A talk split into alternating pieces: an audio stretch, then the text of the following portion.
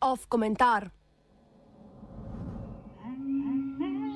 Kukar je mati dijala.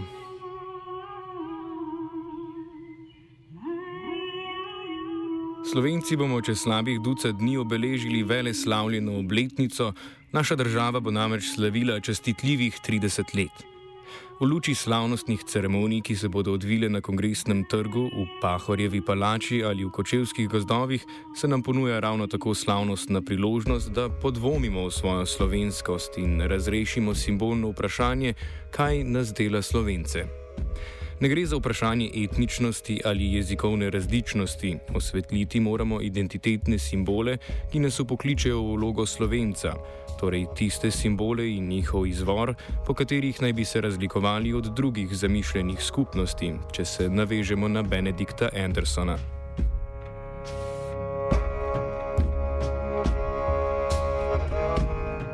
Vsakodnevno nas naslavlja na desetine, če ne na stotine simbolov, obarvanih z nacionalizmom, ki nas opominjajo na našo narodno pripadnost in kolektivno zavest. Toda zatakne se ravno pri resnični avtentičnosti teh simbolov slovenstva. Slovenci smo namreč stoletja živeli v okviru političnih tvorb, ki še zdaleč niso bile etnično homogene.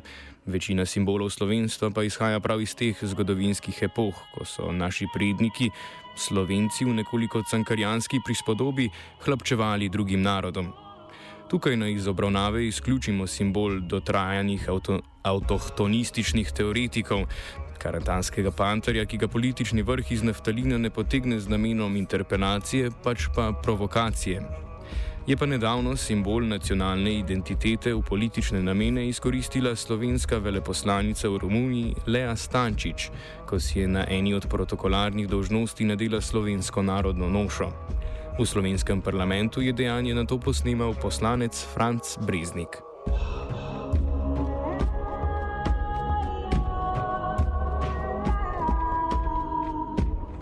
Začetki omenjene uprave segajo v 19. stoletje, v čas narodno-prebudnih gibanj. Širšo uporabo narodne noše so upeljali maloštevilni etnično-slovenski meščani. S to indigenizacijo slovenske kmečke kulture so želeli prebuditi kolektivno zavest, ki bi hipotetično vodila k prevzemu politične oblasti znotraj več etničnega Habsburškega imperija. Slovenska buržoazija je torej oblačilno kulturo izkoriščenega in oboboženega kmečkega prebivalstva, ki je takrat predstavljalo veliko večino tega, kar si danes predstavljamo pod besedo Slovenci, ponesla v politično polje. Nekaj podobnega se je zgodilo z narodno zabavno glasbo, ki so jo zvoki izvorno nemških inštrumentov v svet popeljali avseniki in slaki, v prvih časopisih v slovenščini slavljeno kransko klobaso in še bi lahko naštevali. Seveda, snovalci prvih idej o samostojni Sloveniji, narodne noše in kranske klobase niso risali v svoje politične programe, a so z njimi posredno utrjevali idejo slovenstva ali, kot bi se izrazil britanski socialni psiholog Michael Billig, banalni nacionalizem.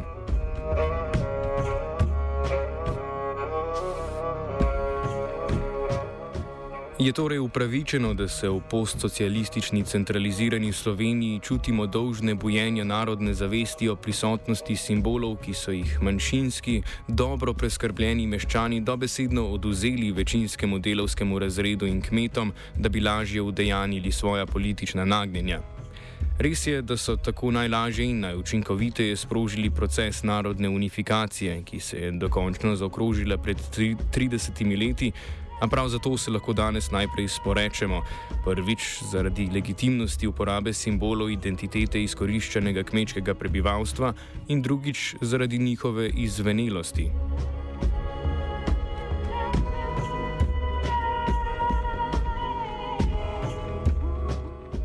Prvič, če identiteta slovencev sloni na simbolih, ki so jih meščani iztrgali iz rok kmeta, moramo ustrezneje govoriti o generalizaciji kmečke snovne kulture za potrebe političnega združevanja in nikakor ne o slovenskosti ali narodnosti teh simbolov.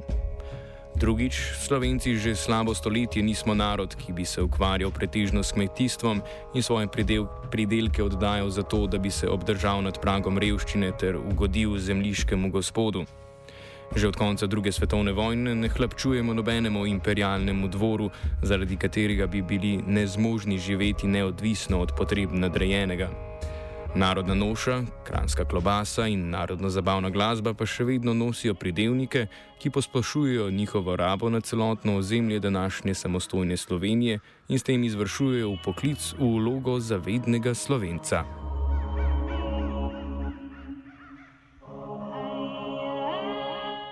Na tem mestu naj prizanesemo vsem tradicionalistom in ozaveščenim ljubiteljem kulturne dediščine, Nikakor ne zavračamo zgodovinskega pomena in tradicijske funkcije teh simbolov, ki so nedvomno oblikovali zavest slehrnega prebivalca slovenskega predindustrijskega podeželja. A v poklic oziroma interpelacija, ki jo pravijo ti simboli, je zgolj še spomin na obdobje, ko smo imeli kot narod omejene možnosti samo odločbe, izražanja v maternem jeziku, poleg tega pa smo se bili dolžni podrejati instanci monarhov.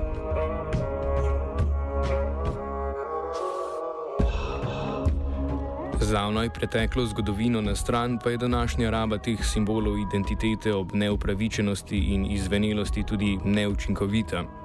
Pri tistih levo od sredine sproži posmeh, pri tistih na desni se prelevi v obrambni mehanizem.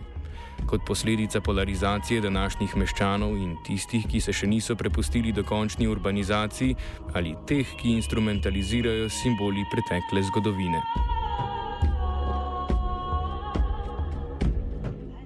Off komentar je simbolno preupraševal Matija.